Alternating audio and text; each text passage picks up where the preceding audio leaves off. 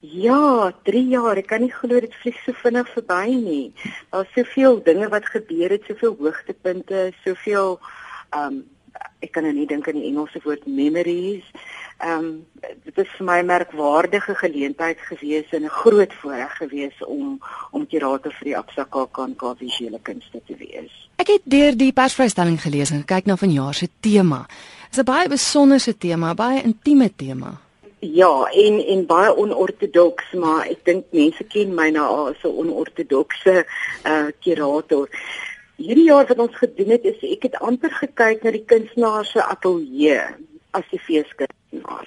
Eerder as net 'n singular artist, 'n enkelvoudige kunstenaar. So ek het drie kunstenaars wat amper die kunstenaars ateljee versinne beeld op die program. So ons drie hooffeeskunstenaars is Willem Boshoff, uh Louis Jansen van Vieren en Gordon Fraud. En hierdie drie ekstreme persoonlikhede versinne beeld vir my amper drie visies van die kunstenaars ateljee, van die kreatiewe inkubasie wat gebeur in daardie sacred space. Ek noem dit die heiligste van heiliges vir die kunstenaar. Dit is dit is wat 'n ateljee is en ek ek wil hê dat hierdie drie kunstenaars amper daai visie bring vir die feesbesoeker. Ek het so deur die program gekyk en buiten vir die feit dat daar drie feeskunstenaars is wat ook bietjie ongewoon is, is daar fantastiese ander uitstallings. Ek weet nie of jy vinnig dalk in 'n minuut of twee net van die hoogtepunte kan noem nie. Ja, ons het hierdie jaar ons het 13 uitstallings en dan het ons 'n 14de uitstalling wat nie 'n uitstalling as sulks is nie, maar eerste vir die fees hierdie jaar. En dit is 'n kontemporêre kunstveiling deur Stefan Wels en Company waaroor ons baie opgewonde is om juis 'n veilingshuis te bring na die fees toe om kontemporêre kuns op 'n nuwe manier amper te ontbloot vir die publiek. En ook om mense bewus te maak dat veilingshuise is een van die metodieke of metodes waar uh, wat mense kan gebruik om uh, te kyk na hulle na hulle kunsversamelings. En ook jy weet die oomblik wat jy veilingshuise betrokke het by kunstenaars dan weet jy as 'n koper of 'n versamelaar ook dat daai kunstenaars is deur 'n proses en dat jy amper met 'n geruste hart um, kan belê in daai kunswerke. Ek moet dink dat dit moeilik is om om om 'n program jaarliks saam te stel. Ek meen daar's so ongelooflik baie kunstenaars. Kyk jy of kunstenaars by die tema inpas? Is dit is dit mense wat oor jou pad gekom het, mense wat hoogtes bereik het hierdie jaar of hoe stel mens die die uitstalling saam? Ja, dis altyd dit dis altyd uh, die grootste tragedie vir my dat ek nie dat ek nie meer moet ek nie meer uitstallings kan bring na die Absa en Kaapie nie, maar mens moet maar keuse maak. Weet jy, um, ek sê altyd dat dit dis amper soos wanneer 'n kunstenaar kunswerk begin maak. Jy het so sien 'n idee of inklinasie oor wat jy wil gee vir die publiek hierdie jaar. En dan uh, is jy gelukkig dat dat van die aansoeke wat jy ontvang pas binne daai breër visie. En uh, dan is dit ook 'n geval van as jy sien maar hier's 'n bietjie van 'n uh, 'n wanbalans dat jy gaan soek vir een of twee uitstallings om net 'n groter balans te skep in die visuele kunsprogram. Vir my elke jaar met die feesprogram gaan dit oor balans. Dit gaan oor 'n geheel beeld van kontemporêre kuns in Suid-Afrika. So ek probeer om die verskillende smake en gure en grille van almal te probeer beantwoord um binne die program. Hierdie jaar, soos wat ek gesê het, het ek gekyk na die kunstenaar studio of ateljee, maar dan het ek ook gekyk na die breër spasie of die breër ruimte of omgewing wat ons omring. En dit skakel in by by die koöperatiewe uitstalling um onder Dr. Paul Byles van Absa wat postkoloniale Afrika is. So ons kyk ook na amper die Afrika geskiedenis en die postkoloniale geskiedenis in Suid-Afrika en ook die huidige amper neokolonialisme wat besig is om plaas te vind in Afrika. So jy sal byvoorbeeld aan die Talte het hierdie jaar 'n solo uitstalling waarvan die uitstalling se titel is Rubber Ever After.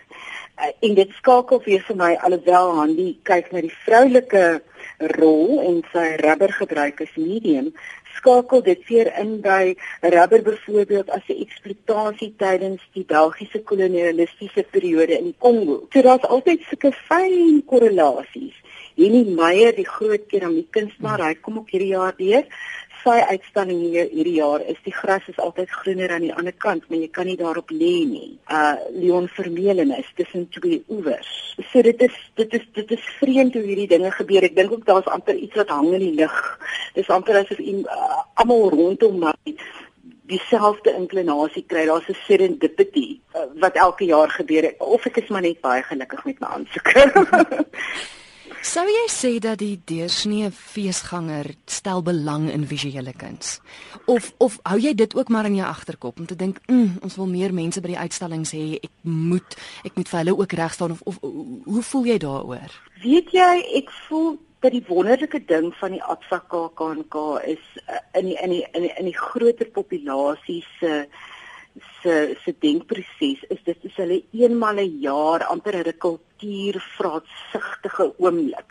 Hulle gaan daai vir die feestydperk en hulle hulle voed hulle breine en hulle siele en hulle gemoed deur die beste in Suid-Afrikaanse kunste te ervaar.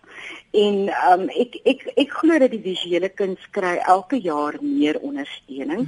Ons kan dit sien uh, in die, in die hoeveelheid mense wat die wat die uitstallings besoek. Natuurlik kyk 'n mens ook na verkope en en en dit is selfs in hierdie in die middel van hierdie ekonomiese down slope wat wat ons op die oomblik beleef, het dit opgegaan. So ek dink daar is daar is 'n daar is 'n behoefte en ek dink mense jy weet daar's ook iets in 'n wêreld wat ewe skielik vol skadu beleggings is en dinge wat niemand meer weet hoe dit werk nie. Ten minste as jy kyk na 'n skildery of 'n kunswerk, is iets tasbaar. Dis 'n tasbare verhouding wat jy met hierdie objek kan hê wat gemaak is deur iemand. En ek dink daar's 'n hinkering daaraan. Daar's jy weet soveel van wat gebeur is, jy weet op die internet of in cyberspace. Dis dis so hierdie onwerklikhede. Terwyl 'n kunswerk is nog 'n werklikheid wat jy in jou wêreld kan inbring en ek dink daar's al meer 'n hinkering van mense om iets regtigs in hulle lewe te plaas. Hmm. En visuele kuns is een van die dinge wat hulle kan versamel of kan kan integreer in hulle lewe. So nee, ek ek vind dit baie positief ek, en ek dink ook die praatjies en die rondleidings wat ons doen help dat uh, mense amper meer verstaan. Ja. Ek sê altyd vir mense eh, 'n kunswerk is nie uh, oog uh, ooglopende ding nie. As jy hom nie onmiddellik verstaan nie, you, you don't need to. Mm, you mm. just need to be open to experience it jy moet dit net ervaar en en miskien verras jy jouself en ontdek ontdek iets wat jy nog nooit van tevore geweet het nie en dan hou jy daarvan. en die ding is jou verstaan hoef ook nie dieselfde te wees as die persoon langs jou nie. Glad nie ja. en selfs nie dieselfde as wat die kunstenaar se hmm se sinema onmiddellike intellektuele intensie is. Hmm. Jy weet daar daar's daar's 'n paar verhoudinge wat gebeur. Dis die kunstenaar se verhouding teenoor die kunswerk. Dan is dit die konteks waarin die kunswerk uitgestal word en dan is dit die konteks wat gebeur tussen die toeskouer en daai kunswerk. Mm. Want as ek byvoorbeeld ag ek sit 'n 'n 'n botteltjie pille daar neer. Vir die een ou gaan daai botteltjie pille beteken genesing, vir die ander ou gaan die botteltie pille beteken uh, verslawing. Ja, ja. Vir die ander ou gaan die botteltjie pille nie beteken so dit dit is altyd vir my interessant hierdie dialoog wat gebeur. Mense kan dit nie beheer nie. Hmm. En dit is wat kuns wonderlik maak. Sandra, so 'n laaste vraag. Ek het nou aan die begin genoem dis jou laaste jaar as kurator by die Klein Karoo Nasionale Kunstefees.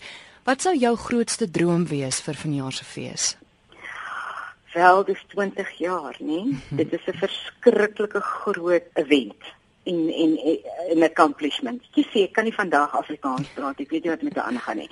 Maar dit is um Ag ek hoop dat die dat die program is interessant vir mense wat ek aangestel uh, wat ek uh, saamgestel het natuurlik hoop ek dat dat dat dit 'n sukses is op 'n persoonlike vlak op op 'n hoogtepunt uit te gaan.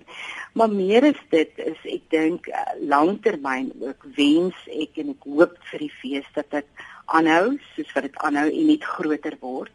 Ek sê altyd dat my langtermynvisie, ek weet nie of dit almal by die KAK se visie is nie, maar ek dink dit moet wees vir Suid-Afrika, is dit dit is ons geleentheid vir 'n internasionale fees ek dink ons kan letterlik die wêreld nooi om te kom kyk na Suid-Afrikaanse kunste deur die Absa KAKNK. Dit is die grootste, uniekste, wonderlikste monster van 'n fees in Suid-Afrika. En ehm um, ek dink as as mense Suid-Afrika wil ervaar, is daar nie 'n beter manier om dit te doen as om na die fees te kom nie.